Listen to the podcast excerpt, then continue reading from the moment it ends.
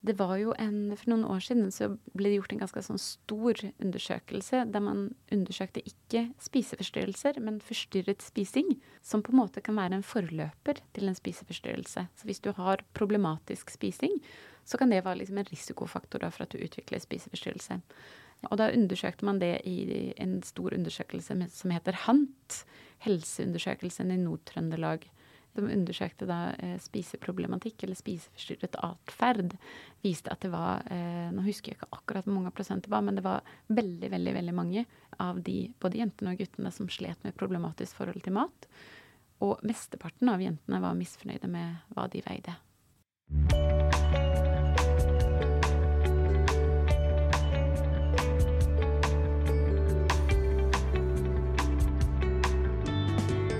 Ja, hjertelig velkommen til podkasten 'Leger om livet'. Jeg heter Anette, og jeg jobber som lege. Jeg har laga denne podkasten fordi jeg ønsker å gjøre nyttig og god kunnskap lett tilgjengelig for alle. For jeg tror at eh, med kunnskap så er det lettere å ta de valgene som er riktige for en selv. I dag så skal vi snakke om et tema som jeg syns er veldig eh, viktig å snakke om. Og det er til tider et vanskelig tema å snakke om. Så derfor er jeg så glad og takknemlig for at jeg har med meg en veldig kompetent forsker på temaet til å snakke med meg om dette. Hun heter Camilla Lindvall Dahlgren. Hun jobber som seniorforsker ved regional seksjon for spiseforstyrrelser på Ullevål sykehus. Og som førsteamanuensis i psykologi ved Oslo nye høgskole.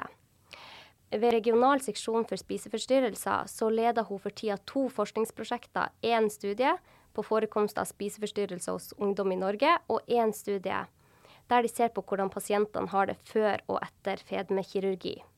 Hun har en mastergrad og doktorgrad i psykologi fra UiO, og har jobba med forskning på spiseforstyrrelser siden 2009, altså i 13 år. Så her har vi mye kompetanse. Hjertelig velkommen, Camilla. Tusen takk, Anette. Takk, takk. Hvorfor ble du så interessert i akkurat eh, dette temaet? Du har jo via store deler av livet ditt til temaet spiseforstyrrelser. Ja, jeg har det. Og jeg har liksom vokst opp litt sånn profesjonelt innen forskning på spiseforstyrrelser, føler jeg. Eh, ja. Så forskeren i meg, liksom, eh, den har, den har vokst fra forskningsassistent til, til doktor i ja. psykologi. Men det startet vel egentlig litt som en tilfeldighet. I 2008 så var jeg relativt nyutdannet. Og så visste jeg ikke riktig hva jeg skulle gjøre for noe. Ehm, jeg var litt sånn rådvill eh, og fikk jobb da først et år innen rekruttering. Og så dukket det plutselig opp en annons da, eh, om en sånn forskningsassistentrolle på RASP, eller på regional seksjon for spiseforstyrrelser på Ullevål. Ja. Og da tenkte jeg den her må jeg jo søke. Altså, jeg har jo en mastergrad i psykologi, jeg syns jo forskning er spennende. Forskningsassistent, det, det hadde jeg jobba som tidligere på Folkehelseinstituttet. Så da tenkte jeg fader, altså, jeg må søke den her. Ja. Eh, og så gjorde jeg det. Eh, og så fikk jeg jobben. Og så tok det vel egentlig ikke så lang tid før jeg forsto at det her med forskning, det var liksom min greie. Det likte jeg veldig godt. Mitt hode likte å jobbe med forskning. Eh, og kanskje også først og fremst for at jeg er sånn ufattelig nysgjerrig. Jeg liker å vite hvorfor ting er som det er. og hva det kommer av. Og så, så skjønte jeg liksom fort at ja, men det her passer meg. Og det passer mitt hode. Og det passer min måte liksom å tenke på og jobbe på. Og feltet spiseforstyrrelser, det var utrolig spennende det også. Jeg visste egentlig ikke så mye om det når jeg startet. Og så skjønte jeg jo også at, at det er veldig, veldig komplekst. Utrolig spennende, men veldig komplekst. Og mye mer vanskelig å forstå seg på enn det jeg kanskje hadde trodd når jeg starta. Mm. Og så ble det sånn at jo mer jeg jobbet med det, og jo mer kunnskap jeg fikk, eh, desto mer skjønte jeg at fy fader, altså vi har en jobb å gjøre i dette feltet her. Vi ja. forstår mye, men det er også veldig, veldig mye som vi ikke har nok kunnskap om. Ja, veldig. Jeg er veldig glad for at du er blitt så interessert i temaet, for du eh, kommer ut med veldig god og nyttig informasjon. Før vi går inn på spiseforstyrrelser, så tenkte jeg bare kunne du eh, ha oppsummert de forskjellige? For det er jo forskjellige typer spiseforstyrrelser. Og det er jo greit å vite om de forskjellige eh, før vi går inn på temaet. Mm, absolutt. Det kan være litt forvirrende iblant å holde styr på de forskjellige spiseforstyrrelsene. Og så er det jo sånn også at for noen år siden, i 2013, så fikk vi en ny versjon av, av DSM, som er DSM-5. Og med den versjonen så fikk vi flere nye spiseforstyrrelser. Eh, og flere enn de vi hadde før, for å gjøre det enda mer komplisert. Og så har vi jo også en ny eh, versjon av ICD, eh, som kommer nå snart. Eller den har blitt lansert, nummer 11. Og når den blir innført i Norge, så får vi også de her nye spiseforstyrrelsene. Så nå har vi seks eller sju forskjellige spiseforstyrrelser. Men for å ikke gjøre det altfor komplisert, ja. så tenkte jeg at vi kan snakke om de tre vanligste spiseforstyrrelsene. Eller jeg kan fortelle litt om det, hvis ja. det høres greit ut. Veldig fint. Eh, og da er det på en måte den som vi snakker mest om. Det er da anoreksi. Det er mm. den måte, som er kanskje mest synlig i media, som vi hører mest om, som syns tydeligst, ikke minst. Eh, og så er det bulimi. Og så er det den tredje spiseforstyrrelsen, som da eh, har blitt på en måte kategorisert som en egen spiseforstyrrelse nå i 2013, og i ICD-11, da. Og det er overspisingslidelse. Mm. Så det er på en måte de tre hovedkategoriene, kan vi si, på spiseforstyrrelser. Ja. Og den siste, overspising, eh, det har blitt mer og mer vanlig, har jeg skjønt? Ja, det er kanskje litt Det er litt vanskelig å si at det er blitt mer vanlig. Jeg tror okay. vi har blitt flinkere til å oppdage det. Eh, og ikke minst fordi det nå har kommet inn i våre diagnosemanualer som en egen kategori. Ja. Eh, og selvfølgelig så har man begynt å snakke mer om det. Eh, folk har blitt mer åpne om denne lidelsen, så da får vi mer kunnskap. Men jeg vil jo tenke at den fantes der også før vi begynte å snakke om den. Ja. Så det handler kanskje litt om at uh, vi prater mer om det, rett og slett. Mm. Mm. Hvor vanlig er disse tre? Ja, altså det er, uh, det er et uh, litt vanskelig spørsmål, fordi den spiseforstyrrelsen som vi snakker mest om, anoreksi, den er faktisk den som er minst vanlig av alle spiseforstyrrelser. Ja. og så endrer seg disse tallene på forekomsten eh, kontinuerlig. Da. Eh, også oftest når vi får, eh, når vi får nye eh, diagnosekriterier, så endrer seg selvfølgelig liksom, forekomsten av de her spiseforstyrrelsene. Men hvis vi tenker på anoreksi, eh, så har jeg kikket litt på hva som har blitt publisert nå i det siste. Da har det kommet ut en relativt ny sånn forskningsartikkel, en sånn oversiktsartikkel, da, eh, som sier at det er nesten oppimot 3-4% av kvinner som rammes av anoreksi en eller annen gang i livet. Eh, og det er ganske mye. Mm. Men her, de tallene de strekker seg liksom fra 0,1% opp til 4 okay. Det er liksom avhengig av hvordan man måler det. Mm. I hvilken verdensdel, hvilket land man har målt det. Eh, hvordan man har målt det hvis du har spurt folk via spørreskjemaer, eller hvis du har gjort diagnostiske intervjuer, så får du litt forskjellige tall. Ja. Um, og så har vi bulimi. Um, den ligger på sånn ca. 2-3 eh, hos kvinner i hvert fall, og ca. 1 eh, hos menn. Eh, og så er det overspisingslidelse, som er, ligger sånn mellom 3 5 mm. Så det er ganske sjeldne lidelser. Mm, eh, men til sammen så blir det jo nesten 10 Til sammen så blir det ganske mye, ja. Eh, absolutt. Og vi vet jo også at spiseforstyrrelser er underrapportert ja. og underdiagnostisert. Så det er ganske stor sannsynlighet for at disse tallene her som jeg, som jeg, nevner nå, at de faktisk er litt høyere, til og med. Ja. Mm. Mm. Ja, mm, for meg så føler jeg at det stemmer rundt mitt liv, da. At rundt Ja. Man har jo eh, hatt eh, en del eh, opp igjennom som har slitt, og ja, i vennekrets og rundt 10 det høres egentlig riktig ut for meg. Men uansett hvor mange det er som rammes, så er det jo lidelser som er svært begrensende for eh, den personen det rammes. Mm. Og eh, selv om det prates kanskje mye om, så føler jeg egentlig at det er for lite eh, diskusjoner rundt temaet og hvordan man skal behandle det. For det jeg har sett, er at det er jo litt forskjellige behandlingsmetoder eh, rundt om i verden, men også bare i bitte lille Norge. Har du forska litt på det? Jeg har forsket en del på behandling. Ehm, det gjorde jeg bl.a. med min doktorgrad. Da utviklet jeg sammen med min eh, forskningsleder, eh, som også var min hovedveileder, en ny terapiform for barn og ungdommer med anoreksi. som heter cognitive remediation therapy.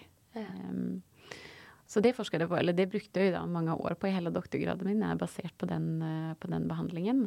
Eh, som ble gitt som en tilleggsbehandling, egentlig, eh, til vanlig og sånn ordinær behandling for anoreksi. Så jeg har forsket litt på det. Når det er sagt, så er jeg enig med deg om at det er litt forskjellig hva folk med spiseforstyrrelser får av behandling. Mm. Um, um, og nå skal jeg være litt forsiktig, for det noen ganger så eh, kan du utløse litt eh, frustrasjon i, eh, i miljøet. Mm. Men det er ikke alle eh, pasienter, tenker jeg, med spiseforstyrrelser som nødvendigvis får evidensbasert behandling. Nei. Og det man ofte snakker om det når man, når man snakker om behandling, er at den skal være evidensbasert. Det skal finnes forsknings, forskningsevidens for den, den, behandlingen som man gir eh, pasientene. Um, når det er sagt, så er det uhyre vanskelig å gjøre behandlingsforskning eh, med, eller i denne gruppen av psykiske lidelser, av flere grunner. Um, Hva er de grunnene? Ja, For det første så er det jo eh, er jo liksom disse lidelsene både underrapportert og underdiagnostisert. Så vi får ikke tak på alle mennesker som har eh, spiseforstyrrelser. Mm. Eh, og oftest når de menneskene da som sliter med mat og kropp og vekt, kommer i behandling, så har de gått veldig lenge da uten, uten behandling overhodet og blitt kjempesyke. Ja. Eh, det er noe som skjer ganske ofte.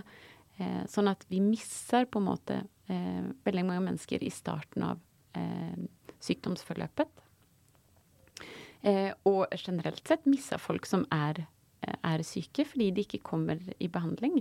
Så de vi kanskje får med da, i behandlingsstudier, det er de som er kjempesyke. Ikke nødvendigvis de som på en måte er på vei til å bli veldig syke. Mm. Eh, og de er, de er, det ganske få av som blir ordentlig syke, og som får behandling, og, og som vi klarer på en måte å fange opp da, i disse behandlingsstudiene. Mm. Um, så de, de, forskningsstudiene som vi har på behandling av spiseforstyrrelser, um, de er ofte begrenset av veldig, et veldig lavt antall av pasienter. Da, som ja. gjør at det er vanskelig å generalisere. Nettopp. Mm. Men hvis vi snakker om disse tre hovedgruppene mm. Jeg tenkte at det var greit å, å bare si symptomene på disse. Og så kan vi gå videre til behandlingsformen. Hva er egentlig symptomene på hver og en av de tre hovedgruppene? Sånn at man kan lettere kjenne det igjen. Mm. Det tror jeg er kjempelurt å snakke litt om, og det tenker jeg er veldig viktig også fordi det første møtet for en person med spiseproblemer eller spiseforstyrrelser er oftest fastlegen. Eh, og hvis du er yngre, kanskje en helsesøster i skolen. Men symptomene de er ikke alltid så enkle å fange opp. Eh, mange av de syns ikke sånn utenpå. Mm. Men eh, vi kan jo begynne å snakke litt om anoreksi. Ja. Eh, og hovedsymptomet der, det er jo begrensning av matinntak. Eh, det er at personen i fråga begrenser matinntaket, eller begrenser det han eller hun spiser såpass mye at den personen blir alvorlig undervektig. Så det er på en måte nummer ett. Eh, og det er kanskje liksom det somatiske aspektet da, som, som er mest framtredende eh, hos anoreksi. Man mm. rett og slett ikke spiser nok mat. Man får ikke i seg nok næring. Mm. Um, og dette skjer oftest liksom over tid. Og så er det en del psykologiske aspekter også, som, som jeg nevnte, som ikke syns. Eh, blant annet en sånn intens frykt for å legge på seg. Eh, og det er liksom paradoksalt, for selv om disse, disse personene Noen ganger sier jeg pasienter, men det er bare fordi jeg kommer fra helsevesenet. Ja, ja. Men disse, disse personene da, som sliter med dette her, ja. de er ufattelig redde for å legge på seg eller bli tykke. Eh, og paradoksen i det er jo at de er, mange av de er allerede alvorlig undervektige. Mm. Og selv om de da eh, veier mye mindre enn det de skal, så er de veldig redde for å legge på seg. Mm. Eh, men eh, vet de, når man, eh, når man snakker med de, vet de at de er undervektige, eh, men selv da vil de ikke legge på seg? Eller tenker de egentlig, de fleste av de, at de faktisk ikke er tynne nok? Det er både og. Det er en blanding. Mm. Noen er, eh, er, bevisste på at eh, de er undervektige. Eh, og noen er ikke det. Og det er også en, en del på en måte, av sykdomsbildet. Den her Hva skal man si mm, um, Kanskje vanskene da med å anerkjenne at man er syk. At man er alvorlig undervektig. Hvis man steller seg på vekten, selvfølgelig, så kan man jo se at man er undervektig. Og samtidig så er det mange som føler seg tykke eller føler seg overvektige, eller føler seg store. da. Ja. Så det er veldig sånn ambivalent forhold til den egne vekten og kroppen.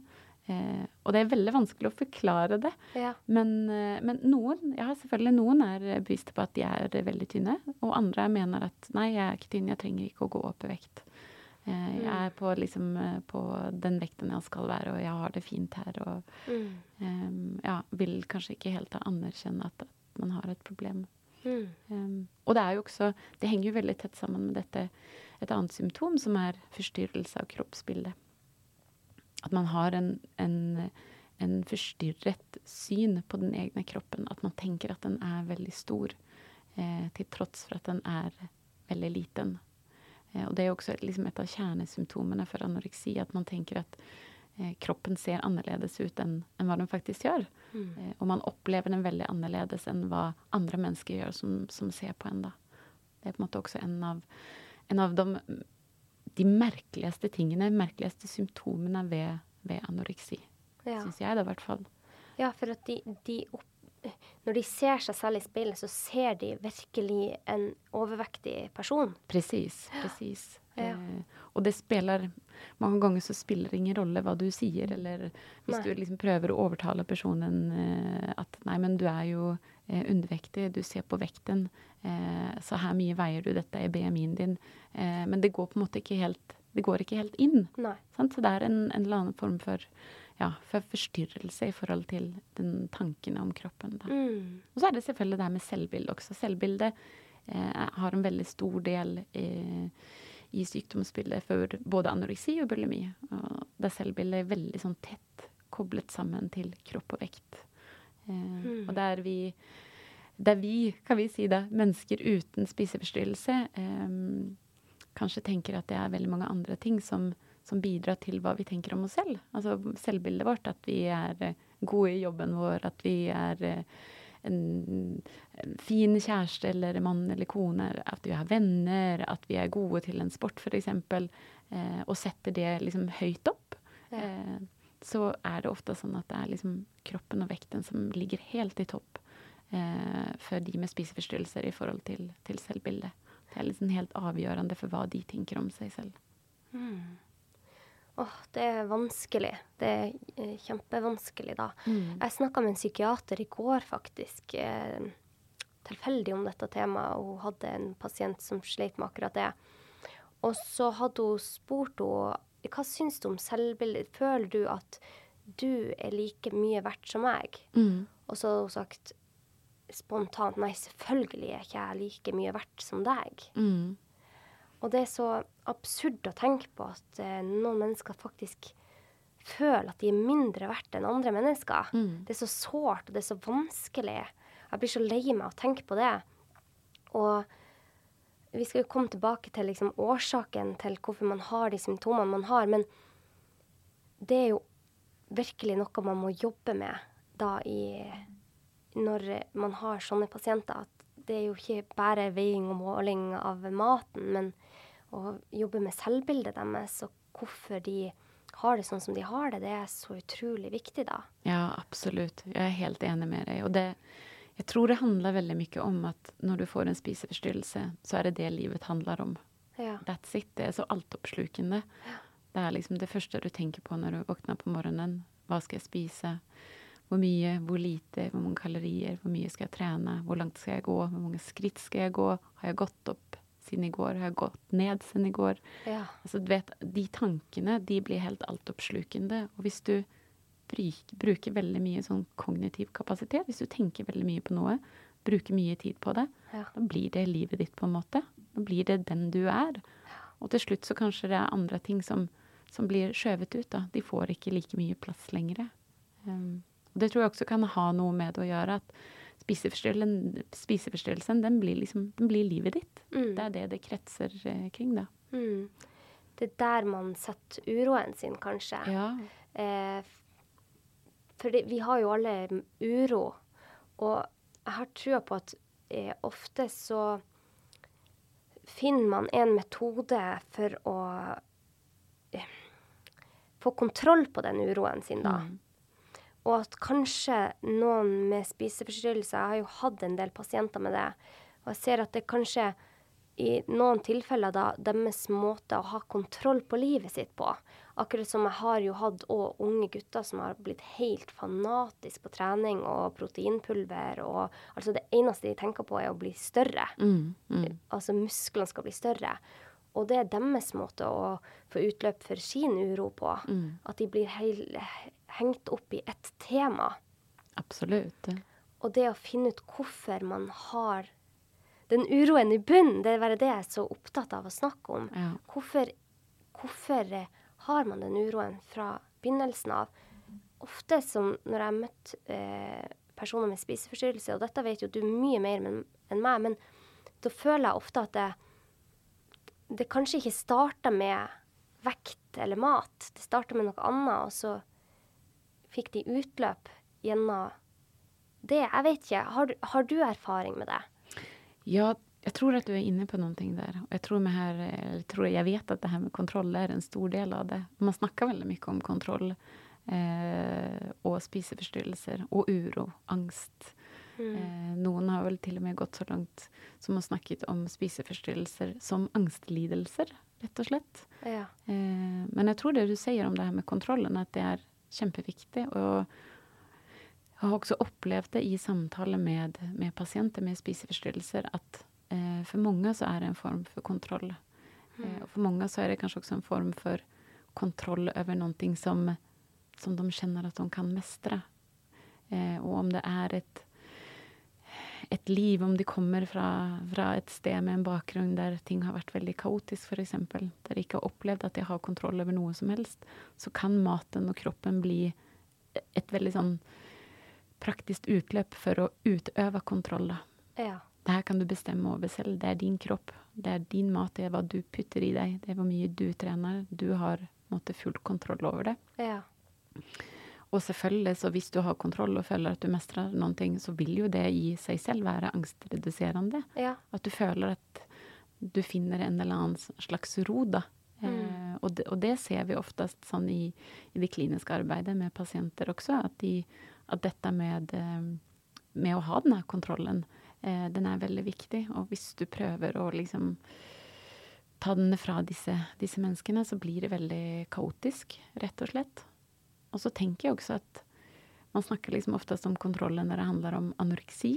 Mm. Eh, Mm. men eh, det man kanskje ikke snakker om så ofte, det er jo at de menneskene som har bulimi, da eksempel eh, Vi var jo litt inne på de tre hovedkategoriene. Ja. Bulimi er jo en spiseforstyrrelse eh, der personen driver med eh, overspising. Og det betyr jo da eh, ikke bare å liksom spise det ekstra pizzastykket eller den ekstra kanelbollen, men overspising handler da om å spise eh, unormalt store mengder mat i løpet av en veldig kort tid. Og så føler liksom at man mister kontrollen over det. Eh, og de som har bulimi, de kvitter seg da med maten etterpå. Og den vanligste formen for det er å kaste opp. Så da spiser man i løpet av en veldig kort tid veldig, veldig mye mat. Og så får man dårlig samvittighet etterpå. Eh, er redd for å gå opp i vekt, f.eks.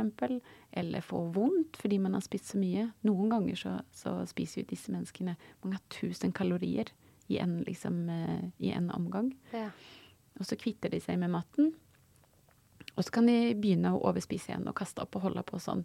Men det man ikke snakker om, det er jo at i perioder så driver jo eh, mennesker med bulimi og overspisingslidelse også med slanking eller restriksjon av matinntaket. Så de spiser i, i perioder veldig lite også. Og så bikker det over. Sant? Så mister man kontrollen. Så dette med kontrollen er ikke Det er ikke bare de med anoreksi som, som prøver å få denne kontrollen over maten og kroppen og spisingen. Det gjelder de andre spiseforstyrrelsene også. Um, og noen ganger så snakker man også på en måte som at de med bulimi de føler seg på en måte som mislykkede eh, anorektikere. Fordi de ikke klarer å ha denne kontrollen over tid. da. At de mister kontrollen, og så overspiser de. Ja. Sant? Så, og det er jo en ganske brutal måte å se det på, tenker Ja. jeg da. Um, Uff, uff. ja. Så symptomene på bulimi da er det at man spiser mye i en periode, og så prøver man å kvitte seg med det. Enten via å kaste opp, eller så har jeg skjønt avføringstabletter er jo Det er noen som bruker de. Det er ikke så vanlig, egentlig. I hvert fall eh, i, i min erfaring. Så avføringsmidler, vanndrivende, vanndrivende midler. Eh, men, men de jeg har snakket med, Mm. eh, der er det mye oppkast. Ja. Eller overtrening. At man trener da, for å kvitte seg med maten på den måten. OK. Mm. Mm. OK, så da har vi symptomene. Er det mer symptomer på bulimi som er greit å vite? Eh, jeg tenker også for pårørende, Ja. eller for de som hører på, som kanskje kan kjenne seg igjen. Mm. Jeg tenker at hvis Altså det første man kan se efter som pårørende, det er da uro i, i forbindelse med måltider. Hva skjer når denne personen skal spise? Eh, er det veldig mye uro? Eh, er det veldig mye liksom, styr rundt måltidene? Og hva skjer med dette mennesket eh, etter måltidet? Forsvinner personen inn på toaletten, eh, så tenker jeg Skjer det ikke bare én gang, men skjer det liksom om og om og om igjen, så kan det være et, et tegn på at eh, denne personen prøver å kvitte seg med maten. Mm. Men også om du har en kollega eller et barn eller eh, en venn som føler seg drevet til å trene hver gang han eller hun har vært ute og kost seg på restaurant f.eks., eller spist et måltid eh, som inneholder kanskje litt mer mat enn en, eh, det han eller hun er vant til å spise. da. Eh, så jeg tenker det, det er kanskje det man bør se etter først. Eh, men det er jo på en måte ingenting som man oppdager som kanskje en venninne. Det er noe som man må liksom være ganske sånn tett på denne personen for å oppdage. Mm. Mm. Og så tenker jeg at det, det var veldig bra at vi fikk fram det her med at noen begynner å nesten overtrene etter å ha inntatt mat. At det er et symptom. For det er kanskje Mange tenker at det er en naturlig måte å ja, holde vekta på, da. Mm. Men eh, da har det gått bykka over til å bli symptomer. Eh, du spiser Du klarer ikke å slutte å spise en periode, eller du føler at du har spist for mye, selv om du kanskje ikke har det. Mm. Og så neste dag så er du nødt til å trene masse, masse. For du har så dårlig smittighet. Ja, og dette med trening er jo også litt sånn spennende tematikk i spiseforstyrrelser. For det er, altså det er jo mange som trener uten at det er usunt. Eh, og det er mange som trener mye uten at det nødvendigvis er usunt. Men når vi snakker om trening og spiseforstyrrelser, så snakker vi ofte om det som kalles for overdreven trening. Og det er da når treningen ikke nødvendigvis er lystbetont lenger. Man trener ikke fordi man føler bare liksom kun at det er godt og sunt for kroppen, og man har ut, liksom lyst til å komme seg ut og røre på seg. og eh, du vet, gjør det av den grunn, men at man føler seg drevet, rett og slett, eh, Mm. av og til til å trene. Man føler seg tvunget til å trene, og man får skikkelig dårlig samvittighet. Angst, kanskje til og med, hvis man ikke får, får muligheten til å trene. Mm. Også kanskje at man trener selv om man er syk, selv om man har skadet seg. At treningen da tar opp veldig mye tid i livet, sånn at får, den får veldig mye stor plass. Da. Eh, da, da tenker jeg at man kan begynne å tenke liksom, at her er det noe, noe liksom, patologisk, noe sykelig over, over treningen, rett og slett. Ja. Eh, enn de med overspising? Eller har vi gått gjennom symptomene på bulimi? Ja, men det syns jeg. Jeg, jeg. jeg tror også jeg nevnte innledningsvis at dette med kroppsbildet det er også veldig stort eh, for de med bulimi. At kroppen og vekten, den er, den er på en måte Den får veldig stor plass eh, i forhold til selvbildet, også, også hos de med bulimi. Så ikke, det er ikke bare hos de med anoreksi som, som vekten og kroppen påvirker selvbildet, utan det er også veldig tydelig hos de med bulimi. Ja. Da tror jeg vi har vært igjennom liksom, det Så, viktigste. så de vil òg ha kontroll på vekta. De vil ikke gå opp i vekt selv om de overspiser i perioder og eh, er nøye med å kvitte seg med de kaloriene de får inn. Presis. og Precis, slett. precis. Og vekten og kroppen er veldig viktig her også. Mm. Mm, det er mye kontroll her òg. Absolutt. Kontroll og, eh, og opplevelsen av å miste kontrollen. Da. For det er jo det som skjer når de overspiser, at de føler at de mister kontrollen over spisingen. Mm. Eh, på overspising, da, det har jo òg noe til felles med bulimi. Mm. hva er symptomene på overspising? Um, de med overspisingslidelse, de um, på, samme, på like linje med de med bulimi, så overspiser de. Uh, og det, det, snakket vi litt om. Det er å liksom spise en veldig stor mengde mat i løpet av en kort periode. Og så føler man liksom at man mister kontrollen. Og det med å miste kontrollen, det er på en måte en viktig del av det, så det får man ikke glemme. Du må liksom føle at, at jeg har ikke kontroll over hva jeg spiser, eller hvor mye eller når jeg spiser. Jeg kan ikke stoppe mm. eh, når jeg har lyst. Når jeg liksom har startet med denne overspisingsepisoden, så er det ingenting som kan stoppe meg. Um, mm. Men da i motsetning til de med bulimi, så kvitter seg ikke de med overspisingslidelse med maten. Så de kaster ikke opp etterpå, eller de overtrener ikke, eller de bruker ikke vanndrivende midler eller avføringsmidler. Og det fører jo da også til at mange av de som sliter med overspisingslidelser, er overvektige. Mm. Og så er det veldig mye skam og skyld rundt dette med overspisingen. Både hos bulimi og, og, hos de med overspisingslidelse. Man skammer seg. Man føler seg ekkel, og man føler seg stygg.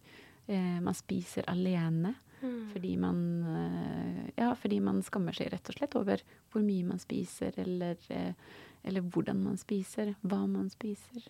Mm. Og så spiser man da også til man føler seg ubehagelig mett. Og selv om man ikke er fysisk sulten lenger, så fortsetter man å spise. Så det er på en måte noen av de symptomene på, på overspisingslidelse. Åh, jeg syns det er så tungt å høre det her med skam, for det er så mye, er så mye skam i samfunnet med så mye. Ja. Vi skammer oss over så mye, og eh, det å Jeg tror det er veldig mange som sliter med akkurat overspising, som ikke tar kontakt for mm. å få mm. hjelp, fordi at den skammen er så stor. For samfunnet rundt det er jo Det er jo mange normer og regler man skal passe inn i. Mm. Og for de som overspiser, så føler de kanskje ikke at de passer inn på noen som helst vis. De klarer ikke å få trent som de skal, kanskje, eller de klarer ikke å stoppe inntak av mat. De klarer ikke å slutte å spise usunn mat. Det er så mange regler som de føler de bryter. At de føler at de går så på sidelinja av eh, samfunnets normer. Mm. At de blir så utafor. Mm. Og så føler de ikke at kanskje I hvert fall den erfaringa jeg har, at noen av de føler ikke de er verdt å få hjelp engang. De tar ikke kontakt, for de, de, føler ikke at de skal være til bry.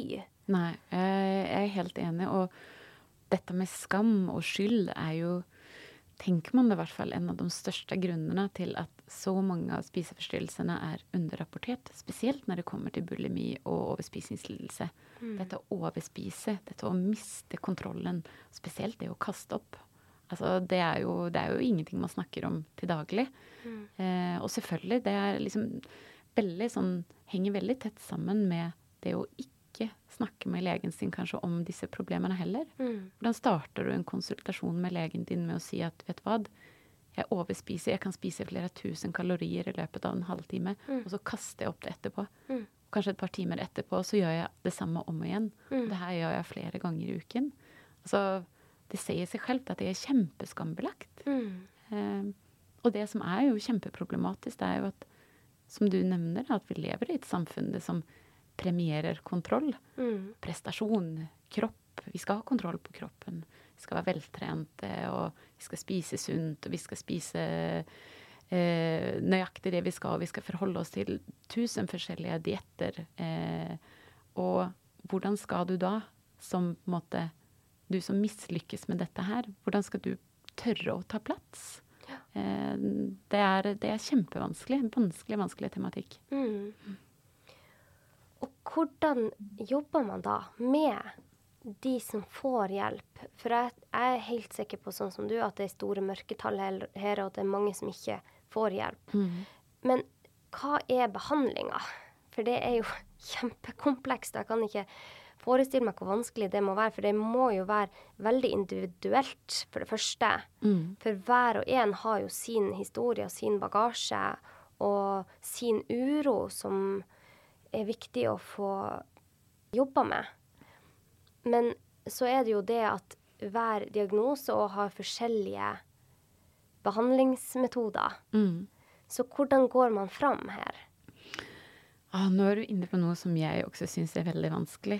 Eh, og jeg har jo da forsket og jobbet i spesialisthelsetjenesten i 13 år, så jeg har jo, jeg har jo kun jobbet med de aller sykeste. Mm. På en måte de som Mange ganger de som har vært syke lenge, eh, og som har vil jeg si, hadde hatt det, det, fint og blitt plukket opp veldig mye tidligere. Mm. er det selvfølgelig noen, noen, av de som jeg har jobbet med, som har blitt det. Men det som skjer, er at siden de ikke oppdages kjapt, eh, så kommer de ikke i behandling kjapt. Eh, og vet du at det å sette i gang med behandling kjapt etter at du har blitt syk eller fått de første, første symptomene, det er en veldig sånn viktig prognostisk faktor. Eh, at jo fortere du kommer i behandling, jo større sannsynlighet er det for at du blir frisk. Ja. Og jo større symptomreduksjon du får i starten av behandlingen, dvs. Si at du nærmer deg en normal kroppsvekt, at du slutter å kaste opp, eh, at du slutter å overspise. Jo tidligere det skjer i behandlingen, jo større sannsynlighet er det for at du blir frisk og holder deg frisk. Mm. Når det er sagt, så er det mange av de som sliter, som ikke får behandling i det hele tatt. Fordi vi har en sånn gap mellom eh, primærhelsetjenesten og spesialisthelsetjenesten, der du mange ganger ikke er syk nok kanskje til å få hjelp. Eh, og den hjelpen du trenger. Så mange havner utenfor. Så er det jo selvfølgelig også mange som ikke snakker med legen sin om behandling. Mm. Um, og for overspisingslidelse, da, som er en relativt ny eh, spiseforstyrrelse, i hvert fall i diagnosesystemet vårt nå, mm. eh, så, så, er det mangel på gode behandlingstilbud. Eh, vi har eh, brukerorganisasjonene våre, som er, heter Spiseforstyrrelsesforeningen, eh, og Rådgivning om spiseforstyrrelser, som da tilbyr eh, samtaler, anonyme samtaler med folk med, liksom, med, egen erfaring, som er kjempenyttige. Men et godt evidensbasert behandlingstilbud mm. som når ut til folk flest, det kan ikke jeg se at vi har eh, per dags dato. Nei. Mm.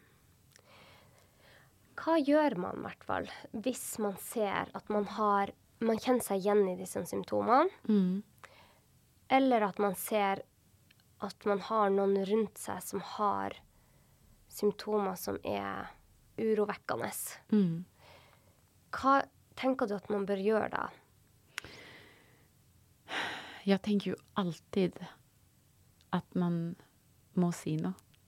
Altså, jeg, jeg er av den klare oppfatningen at hvis du ser at noen sliter, så må du bare si fra. Mm. Du må si fra til den personen at 'hei, du vet hva, jeg er litt urolig for deg'. Eh, hva er det som skjer? Jeg ser at du kanskje ikke spiser nok. Jeg lurer på om du sliter med maten. Mm. Jeg har eh, en følelse av at det er noe som ikke helt stemmer mm. her. Mm. Så snakk med den personen. Spør, vær nysgjerrig.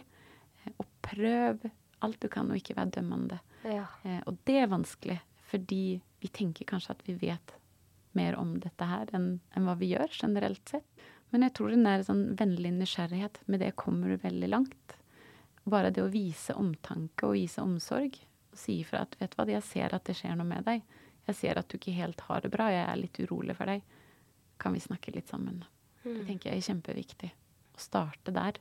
Mm, ja og bare få det opp i lyset. Og så kan det jo hende at uh, de ikke ønsker å prate om det, men bare det at man har tatt det opp, vil åpne opp for noen prosesser, og kanskje at de kommer tilbake til det. det jeg tror det er viktig å ikke være for på første ja. gang du skal ta den samtalen. Ja. For dette blir en, en gradvis prosess. Mm. Men hvis man har problemer selv, mm hvor er det man kan ta kontakt? Det er, eh, det er litt forskjellig. Hvis du tenker at du har problemer selv, og du tenker at ok, jeg må få hjelp av noen annen til det her, eh, så, så, bør du starte med å snakke med fastlegen din. Mm. Det er fastlegen som kan henvise videre mm. til antingen en DPS eller en eh, BUP, eh, hvis du er eh, ungdom. Eh, hvis det føles som et veldig sånn stort skritt å ta, å snakke med fastlegen om dette her, Snakk med brukerorganisasjonene. De har eh, både chat og, og telefontilbud. Der du kan snakke med, med folk som er eller har vært i samme situasjon selv. Ja. De kan komme med gode tips og råd eh, om hvordan man eh, kan gjøre dette her. Så det er mine klare anbefalinger. Eh, men hvis du vil bli frisk, hvis du vil bli litt bedre, så, så må du snakke med legen din om det eh, Mm. før eller senere. Eh, og jeg vet at det er vanskelig for mange å gjøre dette her. Eh, og det jeg har liksom klart å lese meg til i forhold til den forskningen da, som er gjort på hva fastleger i Norge tenker om dette med spiseforstyrrelser og behandling av spiseforstyrrelser, Ja. så syns de at det er like vanskelig. Ja. De føler ofte at de har ikke nok kompetanse Mm. til å fange, fange opp symptomene. De har Mm. ikke nok uh, tid til å komme inn på uh, pasienten sin uh, for å faktisk få tatt opp disse viktige temaene. Mm. Og da vil, det liksom, da vil det ligge mye på pasienten, på personen, eh, dessverre. Ja, og det, det kjenner jeg meg igjen i. Jeg jobba som fastlege noen år, og det er tidkrevende å bli kjent med en person. Mm. Og man må bli kjent med en person for å få tillit. Mm. Og tillit kreves for å snakke om noe som er skambelagt. Mm. Om det er spiseforstyrrelser eller andre tanker eller mentale lidelser. Eller det, det er veldig mye som er skambelagt i samfunnet vårt. Mm. Så det å ha den eh, gjensidige tilliten må ofte til. Og derfor trenger egentlig vi leger mer tid. Ja. I hvert fall fastlegene som følger pasienter og pårørende over tid.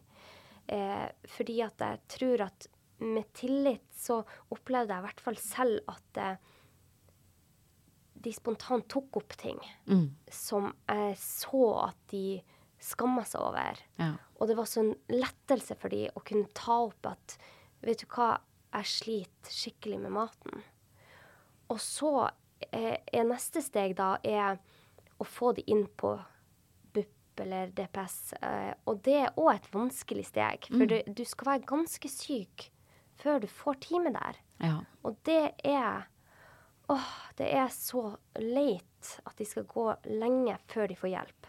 Ja, og det er så utrolig frustrerende, og spesielt også når vi vet at det å gå syk lenge, eh, det er jo liksom kjempenegativt i forhold til, til sjansen til å bli frisk. Jeg vet det. Og Skal du, skal du gå liksom rundt selv i mange år og være syk og bli sykere og sykere og sykere, og så endelig, når du er så syk at du kan få hjelp, da er det kjempevanskelig å behandle deg. Ja. Fordi da har du gått med disse symptomene, det er blitt tatt over livet ditt. Altså, det er jo en paradoks at det er sånn vi har det i samfunnet i dag. Ja. At du ikke kan få hjelp mellom fastlege og spesialisthelsetjenesten. Mm. Jeg har jo liksom et sånt eh, et ønske eh, at det fantes en sånn eh, en sånn mellomstasjon, et lavterskeltilbud i Ja. kommunene. Det finnes jo noe som heter Frisklivssentralen Ja. som, som finnes i de fleste av kommunene i, i Norge. Som har et tilbud for angst og for depresjon og for utbrenthet. For å spise sunnere og sove bedre. Tenk hvis vi hadde hatt et lavterskeltilbud for de som sliter med mat og kropp og spising der også. Ja. Og plassert det ut Mm. på det nivået, der du kunne på en måte passet på eh, de, de menneskene her som et forebyggende tiltak, rett og Mm. slett. Sånn at de ikke trenger å havne i, liksom, på en BUP eller på en DPS. Nettopp. Det hadde vært helt fantastisk. Ja, og jeg, jeg er så enig med deg i det. Og det jeg ser da, eh, fra min begrensa erfaring selvfølgelig, er at mange av de trenger faktisk bare noen å få prate med. Mm. Hva skjer i livet ditt? Hvor, hvorfor har du så mye uro? Hvorfor har du så behov for kontroll? Hva, hva kan jeg gjøre for deg? Mm. Bare det å bli sett, det er så utrolig kraftfullt eh, behandlingstilbud, da. Ja. Eh, eh, for nesten alle lidelser vi mennesker kan ha. Det å bli sett er så utrolig viktig for å komme seg ut av det man står i. Mm. Og ofte så er det kjempevanskelig å snakke med sin egen familie om det. For at de, familien, klar, familien blir stressa. De blir så urolig for deg, og du merker deres uro, så du har ikke lyst til å gi, gi de også mer uro. Så det å ha en objektiv eh, person du bare kan snakke med, det har alt å si. Og det jeg begynte å gjøre som fastlege da, var at jeg henviste de til eh, jeg fant etter hvert sykepleiere og psykologer i kommunen som ikke jobba inne på DPS. For av og til så syns jeg det ble altfor vanskelig å få det inn der. Mm. Jeg måtte stå på telefonen og nesten overdrive symptomer for at de skulle ta de inn. Mm. Men så fant jeg en gruppe mennesker som faktisk jobber ute i kommunene, men man må lete litt etter de, og som har, tar de inn mye før. Mm. Og de har kanskje ikke spesialkompetanse på akkurat spiseforstyrrelse eller akkurat angst, eller Men bare det å bli tatt imot har så utrolig effekt at mange de trengte ikke gå videre. De fikk så mye hjelp bare for å bare å bli hørt. Mm. Så jeg er helt enig, vi er nødt til å få mer av dette. I, og en dag så skal jeg få en eller annen politiker inn i denne podkasten, så jeg kan snakke med de om det. Fordi Ja. det er ikke så mye som skal til. Nei.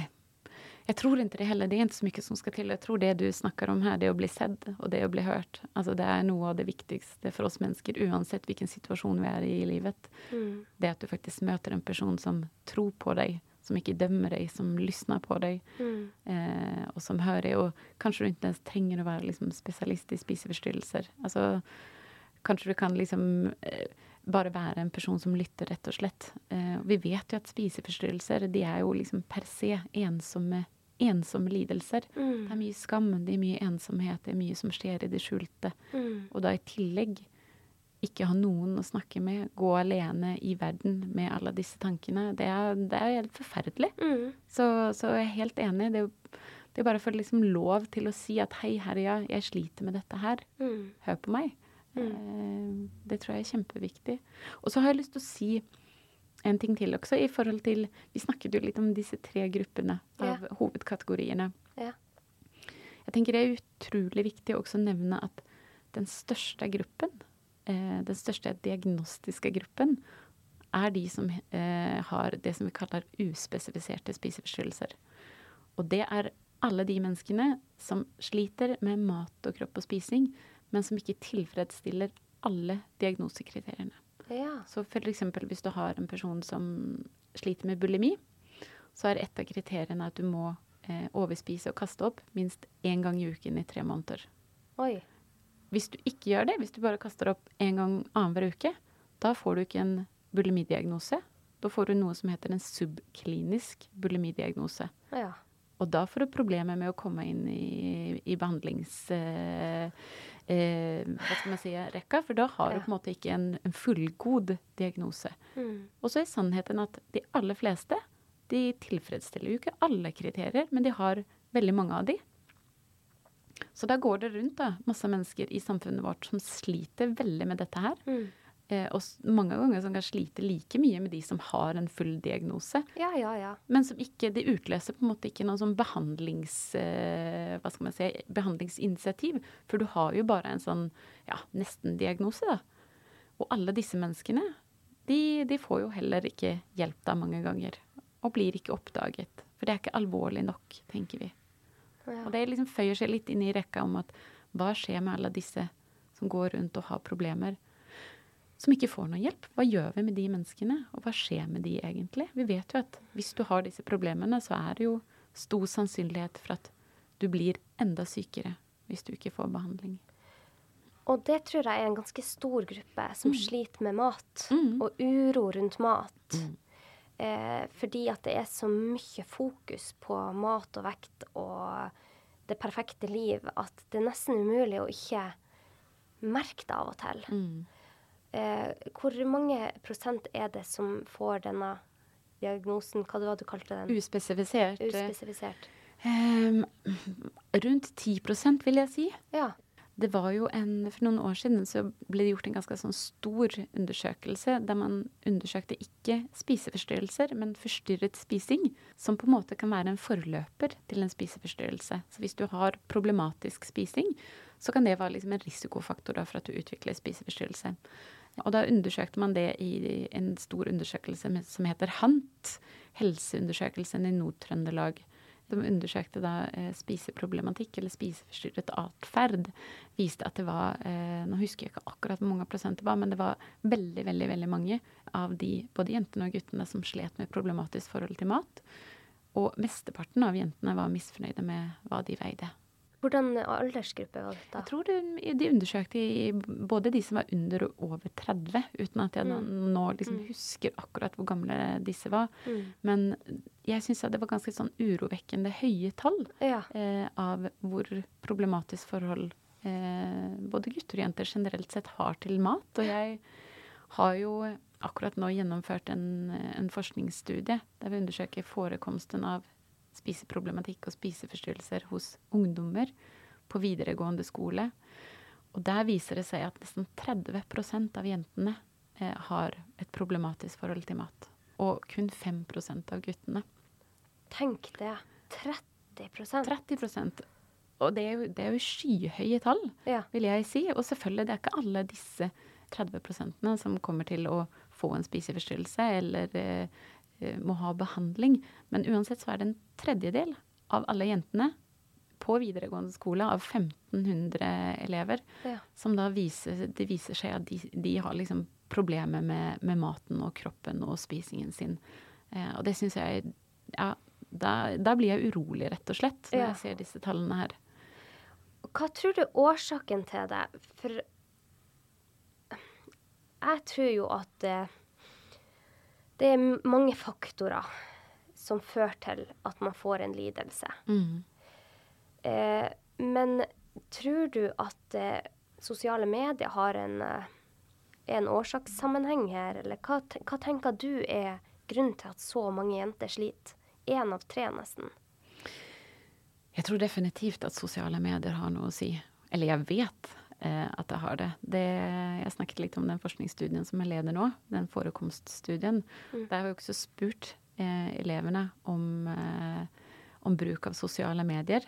Vi har spurt de hvilke sosiale medier de eh, bruker, hvor mye tid de bruker på de, og om det er noen av de sosiale mediene de bruker som påvirker utseendet, eller tanken om hva de tenker om sitt eget utseende, og hva de føler om seg selv, selvbildet, da. Eh, om det påvirker det positivt eller negativt. Eh, og nå er Dette er ikke publisert, så med et bitte lite forbehold om at eh, disse forskningsresultatene skal gjennom hele denne peer review-prosessen, Ja. eh, som, som det må gjøre før man egentlig kan liksom slå i bordet med noe, så vil jeg si at, at bildedelingstjenestene på sosiale medier, Instagram, TikTok, Snapchat, de er verstinger når det kommer til å påvirke eh, disse jentene og guttene i forhold til hva de tenker om utseendet. Så det som mange har svart, da, majoriteten, nesten 60% av jentene som bruker Instagram, sier at, sier at Instagram påvirker hva de tenker om utseendet sitt på en negativ måte. Mm. Det syns jeg er ganske skremmende. Eh, Å, det er så skremmende. ja, og det er ganske høye tall også når det kommer til både Snapchat og TikTok. mm. Så selvfølgelig, sosiale medier har masse å si. Mm. Eh, og det tenker jeg det kommer vi ikke unna. Og det, det, det bør vi snakke om. Og det bør vi liksom snakke mer om, ikke minst. Hva, hva skal vi gjøre? Eh, fordi ungdommene, og ikke bare ungdommer, det er jo voksne også, vi bruker veldig mye tid på Mm. sosiale medier Mm. i løpet av en dag. Eh, og så fortsetter vi å bruke veldig mye tid på sosiale medier til tross for at de får oss til å føle oss dårlige. Ja, tenk hvor avhengighetsskapende Ja. det er da. Veldig. Man vet at det ikke er bra. Nei, altså, det kan jeg jo si at jeg har jo vært skjerma fra sosiale medier inntil jeg starta podkasten. Mm. Da fikk jeg en Instagram-konto. og så så jeg jo det at eh, Jeg er jo veldig bevisst på det, for jeg har lest så mye forskning om det. Så jeg er veldig bevisst på at sosiale medier har vist seg og kan skape mye uro, angst, depresjon. Det, det er utrolig mye som eh, er linka opp mot mye sosiale mediebruk, altså.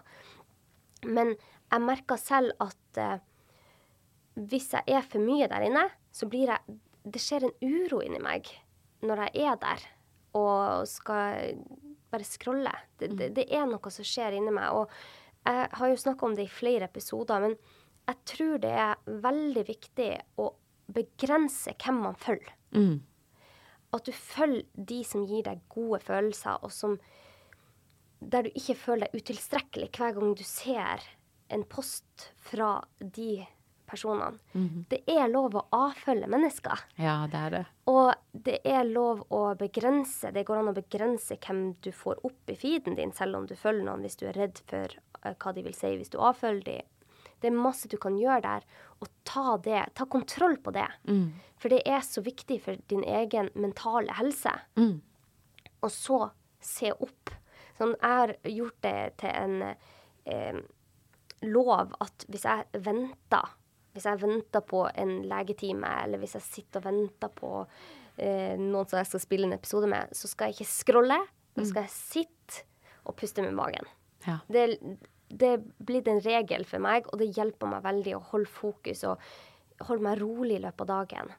Men det jeg ser nå når jeg går gjennom skolen til sønnen min, eh, sjette-syvendeklassingene, de sitter i gruppe, sitter og ser lutrygga ned i en telefon. Mm. Og man vet også at kroppsspråk har så mye å si for hvordan du føler deg. Hvis du smiler i 20 sekunder, så blir du lykkeligere. Det, det er jo helt absurd at hvis du tvinger deg selv å smile, at det skal ha noe å si for dine følelser, men det gjør det. Og det å sitte lutrygga, som man gjør når man scroller, det forteller kroppen din at åh, jeg er liten. Her sitter jeg og gjør meg så liten som mulig. og jeg burde ikke sitte her. Det, det kommer mange sånne underbevisste tanker da. Så det å bare ta rett og slett kontroll på det. Men jeg når jo ikke ut til 15-åringene. Og det er jo de jeg har lyst til å nå ut til, og si dette. Så kanskje vi skal gå kjøre et, et eller annet foredrag rundt om i, på skolene rundt omkring. For at det her er så viktig. Men jeg vet ikke hvordan vi skal ta tak i det problemet, Camilla. Nei, det er kjempevanskelig. Det er utrolig vanskelig, og jeg tror at det som du snakker om nå, dette å liksom å avfølge folk. Mm. Jeg tenker at det er en veldig voksen måte å håndtere det på. Mm. Og det forutsetter også at du er veldig bevisst på hva som skjer i deg når du følger folk. Ja. At du må dårlig, eh, at du blir avhengig, at du fortsetter til tross for at du ikke føler liksom, at det er noe godt for deg. Mm. Men den måten å tenke på, det er på en måte en veldig sånn voksen refleksjon Ja. over hvordan ting påvirker deg. Og det er vanskelig å nå ut til de unge. Eh, og de som kanskje trenger det mest. Vi vet jo at eh, ungdomsårene er jo liksom en risikoperiode for utvikling av spiseforstyrrelser. Mm. Så det er jo der vi egentlig skal sette inn liksom alle kluter. Eh, det er der vi liksom må, må liksom, ja, jobbe hardest, da. Eh, som et forebyggingstiltak, rett og slett. Mm. For at det ikke skal havne da i, på fastlegekontoret med spiseproblemer eller i spesialisthelsetjenesten. Men jeg tror det du sier med avfølging, det er kjempeviktig. Og det har jeg også gjort. Jeg har avfølt så mange. Som, Det er deilig. ja, det er kjempedeilig. Det er en frihet. Ja, ja. Eh, men, men det er måte et oppgjør som du må ta, da. ja, ja. Og så må du tenke hvorfor gjør jeg det her? Føler jeg meg selv bra når jeg ser på disse kroppene, eller den her personen som lager all den her maten, sunne maten, eller hun som trener så innmari mye? Hvis svaret er nei, avfølg det. ja, Bare gjør det. ja. Eh, rett og slett. Ja, jeg er helt enig, Mm. Camilla. Så jeg er så glad for at du forsker på dette, at du får ut denne informasjonen. For det er så utrolig viktig informasjon å få ut. Nå har du kommet med ganske store tall. Mm. Det er mange som har et problematisk forhold til mat. Mm. Og det er mye vi kan gjøre. Men bare for å oppsummere det, så tenker jeg at du sier det at det er viktig å snakke med noen. Mm. Ta det opp med noen. Eh, finn en person du kan ha tillit til hvis du selv sliter. Hvis du er pårørende, så bør du kanskje òg snakke med en tredjepart før du tar det opp med dattera di eller eh, mannen din eller hvem det skulle være, bare for å få en objektiv vurdering på hvordan du skal ta det opp, og at ikke du bringer inn din egen uro i den samtalen, for det vil bare skape enda mer uro. Og hvis du er blitt så alvorlig syk som du snakka om at noen av de her er, de trenger jo spesialisthjelp. De som er spesialister på feltet, som kan te temaet og kan behandle.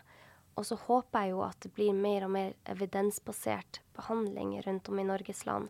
Men det er veldig mange gode institusjoner der man kan få hjelp. Eh, har du lyst til å gjøre en liten oppsummering, du òg? Å, det var vanskelig! Ja, en liten kort oppsummering. Altså, jeg vil jo si at det du, det du nevner, er kjempeviktig. Og så vil jeg jo selvfølgelig også si etter å ha jobbet i spesialisthelsetjenesten i mange år, på RASP på Ullevål, de gjør en helt fabelaktig jobb der oppe. Ja. De er utrolig dyktige. Eh, og eh, jeg har liksom både forsket og, og liksom hatt behandling og jobbet med diagnostikk oppe på avdelingen der. Eh, og ser jo liksom all, all den gode jobben de gjør der. Og de driver jo med evidensbasert behandling der oppe. Ja. Men jeg skulle ønske at det var færre pasienter som endte opp der. at det var flere som fikk hjelp før de kommer dit. At det fantes en, en, en mellomstasjon der vi kunne hjelpe alle de Mm. eh, som sliter, før de faktisk havner oppe på Rasp Ullevål sykehus. Mm. Det skulle jeg ønske. Mm. Og så er jeg helt enig i det du sier. Eh, snakk med noen. Hvis du, hvis du har liksom en mistanke om at en venn eller en datter eller en sønn eller noen du kjenner har et problem, ta en prat. Og som du sier også, hvis du er pårørende, så kan du også ta kontakt med brukerorganisasjonene og snakke litt med dem. De er kjempegode å snakke med. De er skikkelig flinke folk. Mm. Eh, og det kan være godt å på en måte ha gjort det før du eventuelt tar den, tar den ordentlige praten. Sånn at du vet, eh, vet litt hva du skal si, eh, og hvordan du skal si det. Det tror jeg er kjempeviktig. Ja. Og så skjer det mye på forskningsfeltet. Em, både jeg og liksom flere kolleger rundt om i Norge, vi er jo dedikert til dette feltet her, og det forskes jo en god del på det. Eh, nettopp fordi vi vil, vi vil klare av å forebygge eh, på en bedre måte. Vi vil behandle på en bedre måte eh, og mer effektivt. Vi vil finne ut kanskje først og fremst da, hvor stort dette problemet er, eh, er i Norge. Eh, og det vet vi ikke helt ennå. Det, det vi har av tall, er jo nesten 20 år gammelt. Mm. Så det jobber vi jo med nå å prøve å finne ut av. Men vi, vi holder liksom på. Det går fremåt, men, men ja, det går, eh, det går ikke kjempefort. Det gjør det ikke. Mm. Men det går fremover, i hvert fall. Det er i hvert fall bra. Mm. Jeg syns det har vært en kjempegod prat. Jeg er veldig, veldig glad eh, og takknemlig for at jeg får lov å dele den viktige kunnskapen din. Så jeg heier skikkelig på det du jobber med, og du har masse eh, spennende forskning som, eh, og resultater som kommer ut nå. Så hvis dere ønsker å eh, nå Camilla, så er det bare å google henne. Eh, hun har flere profiler man kan ta kontakt på, med henne på. Og eh, da tror jeg vi sier takk for oss i dag, Camilla. Tusen takk for at jeg fikk komme. Det vært kjempespennende og veldig, veldig, veldig hyggelig å være her. Så takk for invitasjonen. Veldig hyggelig at du kom. Og hvis dere har noen spørsmål, så er det bare skriv under episoden. Og hvis du tenker at det er noen som har nytte av denne episoden, så del det med dem. Det er sånn vi får ut den gode kunnskapen. Eh, og med det så ønsker vi dere en kjempefin dag. Ha det godt. Ha det, ha det.